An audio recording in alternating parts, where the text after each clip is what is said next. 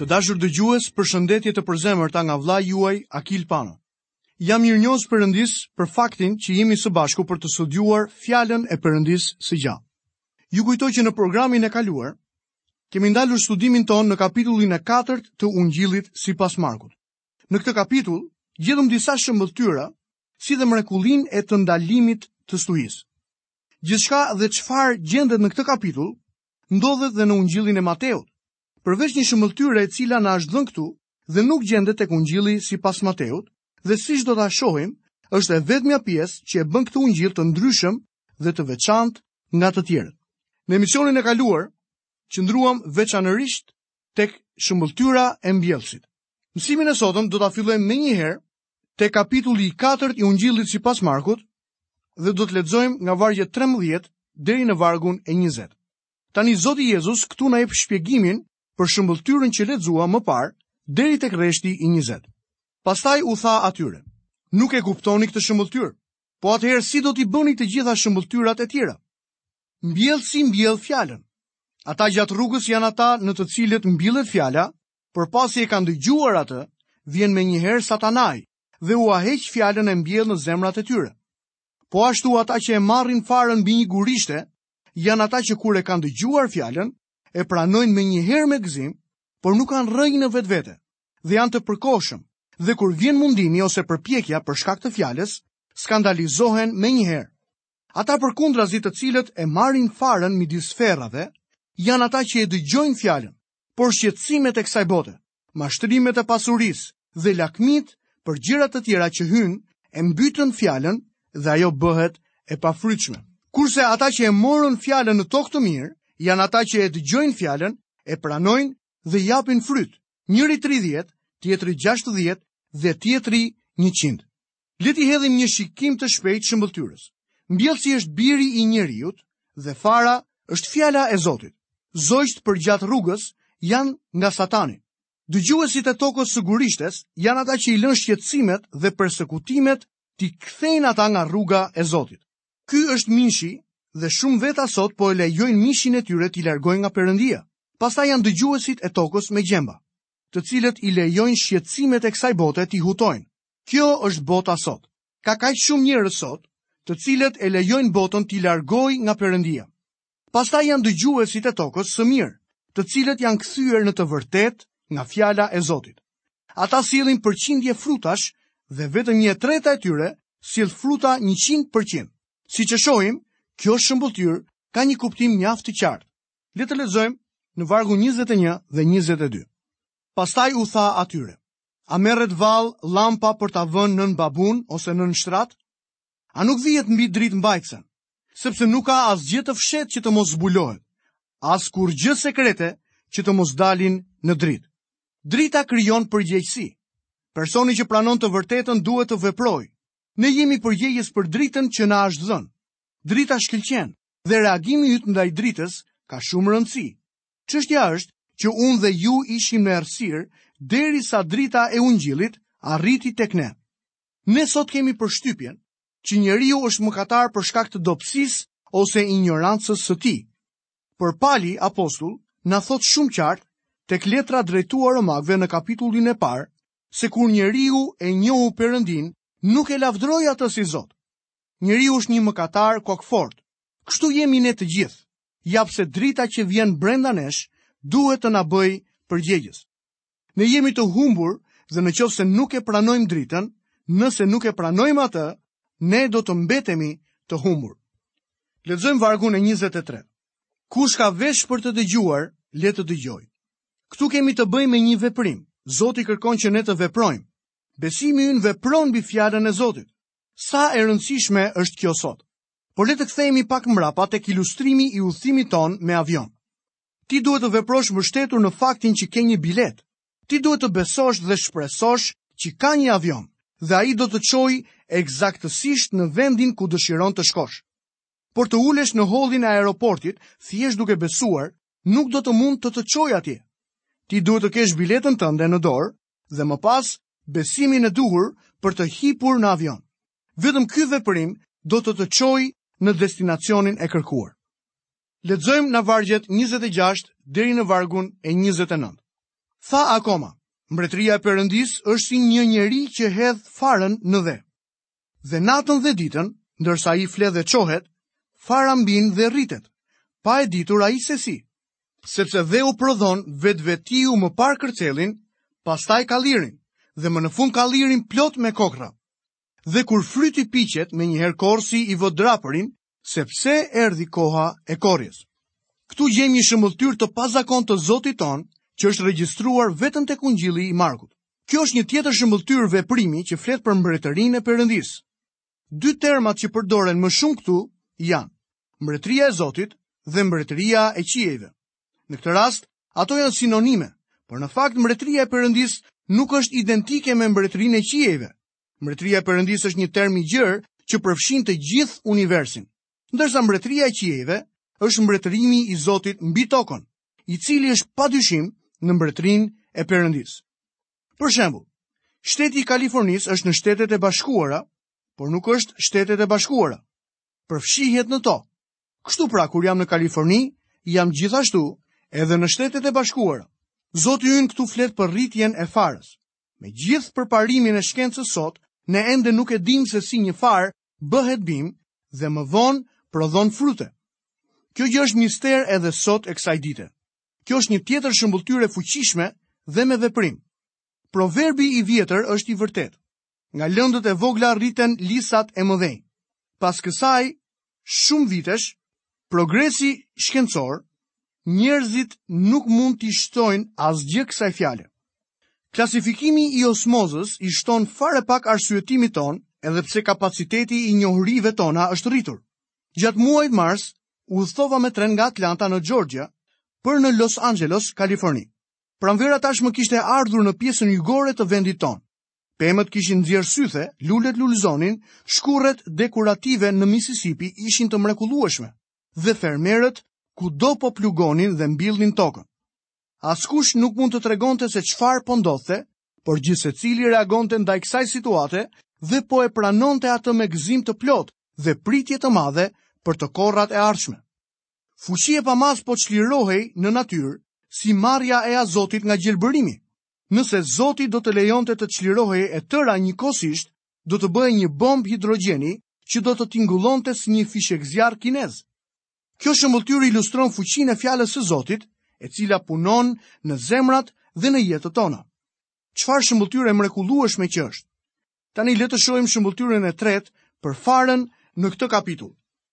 Lexojmë kapitullin e 4 të Ungjillit të Markut, vargjet 30 dhe 34. Edhe tha, me se ta krahasojmë mbretërinë e Perëndisë, ose me çfarë shëmbëlltyre ta paraqesim. Ajo i ngjan farës së sinapit, që kur është mbjellë në dhe, është më e vogla nga të gjitha farërat që janë mbi dhe.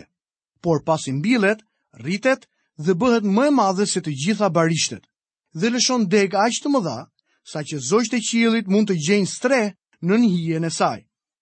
dhe me shumë shëmbëlltyra të tilla, u shpallte atyre fjalën, ashtu si ata ishin në gjendje ta kuptonin. Dhe nuk u fliste atyre pa shëmbëlltyra, ndërsa dishepujve të tij, veçmas u shpjegonte çdo gjë. Mustarda nuk është ushqim, por është një lloj salce. Fara e mustardës rritet në një pemë jo natyrale.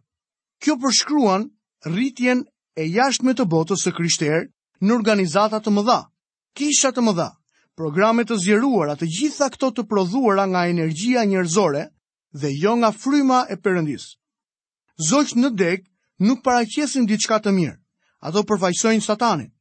Ne shohim se kur Zoti ynë pushon mësimet e tij, ata shkojnë në det.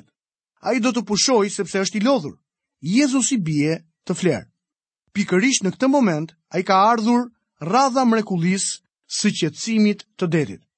Lexojmë nga vargu 35 deri në vargun e 41. Tani po atë ditë si u ngrys, u tha atyre. Kalojmë tek bregu matanë.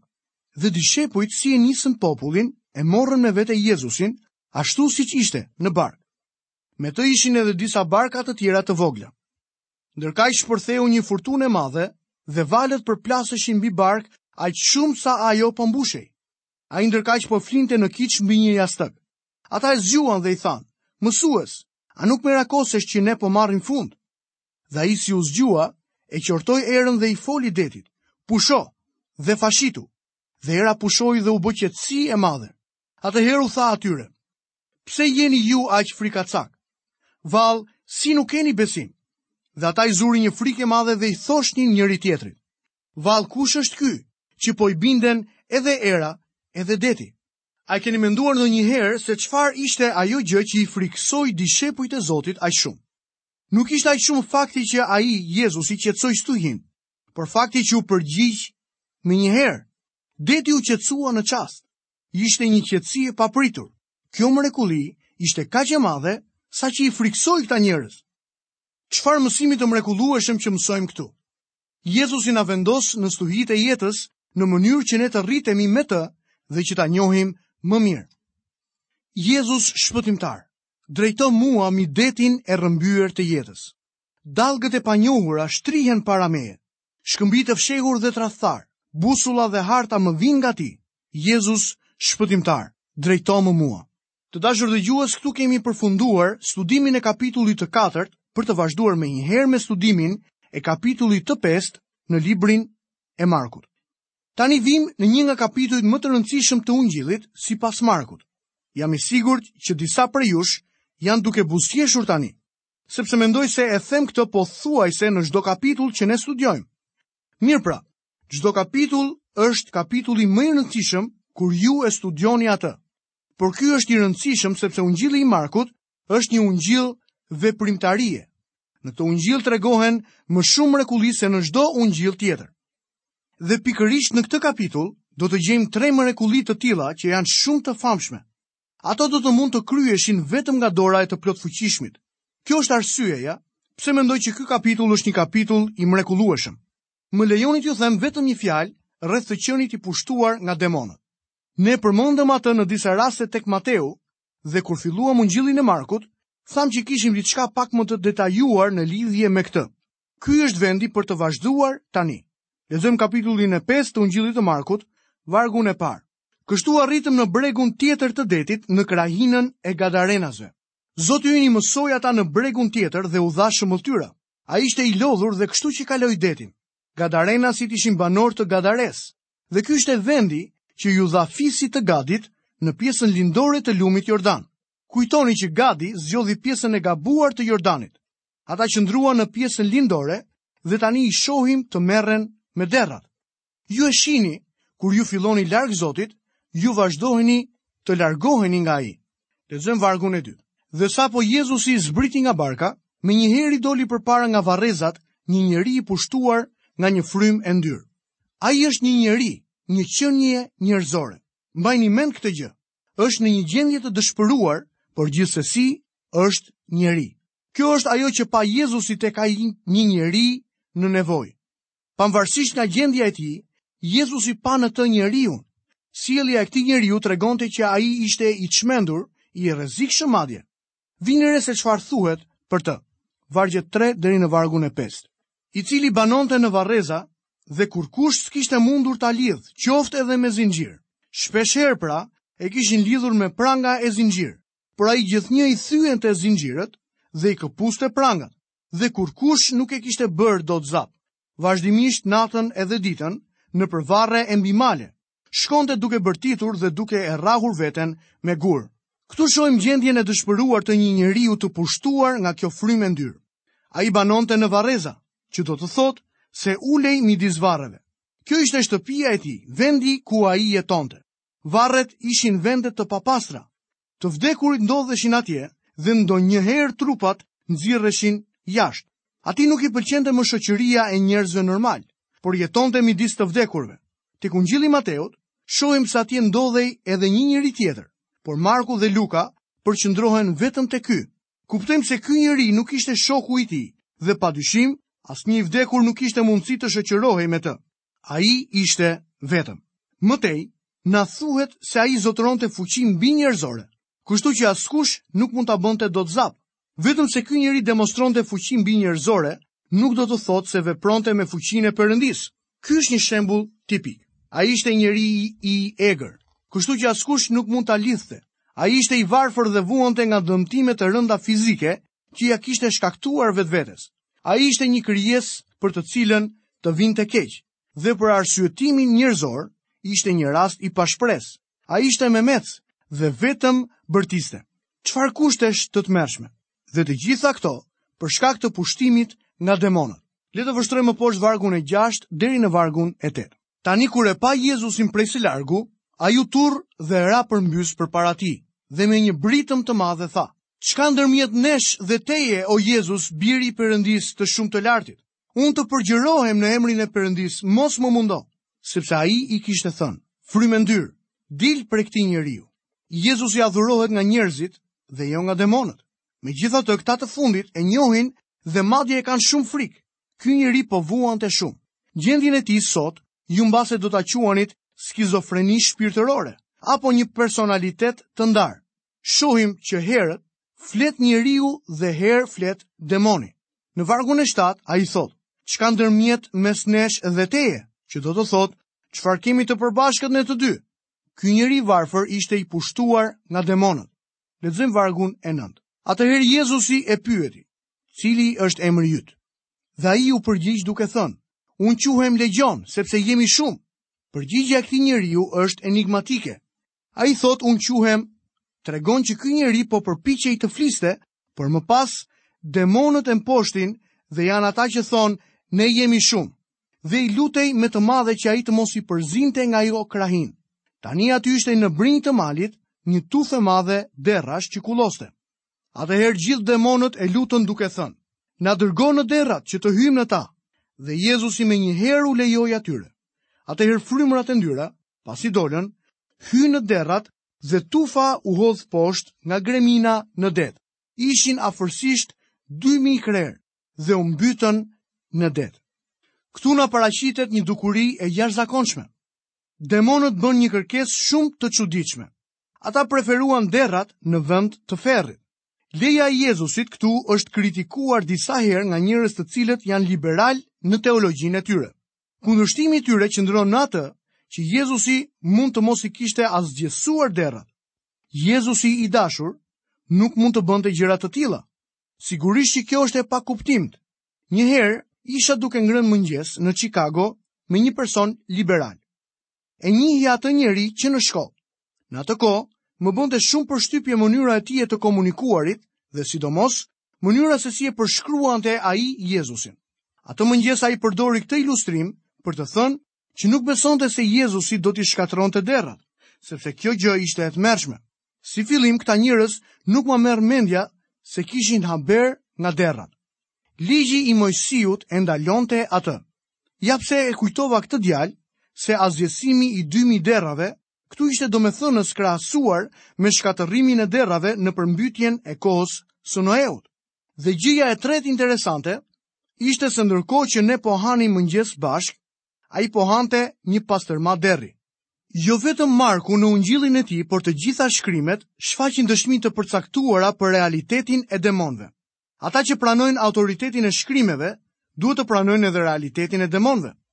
Gjatë shërbesës së Jezusit, kishte ngjarje të veçanta të cilat nuk u mbyllën atë periudhë. Meqenëse ra fjala, Ne jetojmë në një ditë ku shohim rishfaqjen dhe manifestimin e demonëve. Për këtë mund të jepen edhe shumë ilustrime. Për arsye të çuditshme, ata kërkojnë të banojnë në racën njerëzore. Ata kërkojnë të manifestojnë nëpërmjet qenieve njerëzore natyrën e tyre të keqe, natyrën demonike. Ata janë jashtëzakonisht të shqetësuar. Ky përshkrim është i qartë. Kur fryma e ndyrë del nga një njeri, endet në vende të shkreta duke kërkuar pushim dhe duke mos e gjetur dot, thotë, do të kthehem në shtëpinë time nga dola.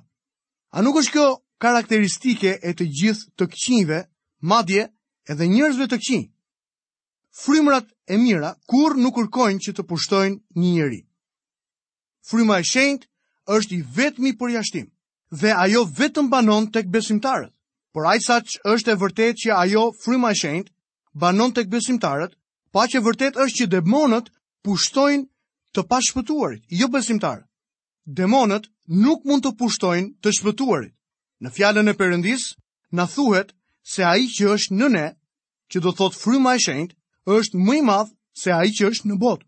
Në fjalën e Zotit, na thuhet se ai që është në ne, Fryma e Shenjtë, është më i madh se ai që është në botë, Satani.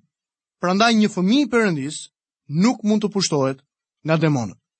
Të dashur dëgjues, këtu kemi mbërritur dhe në fundin e programit të sotëm.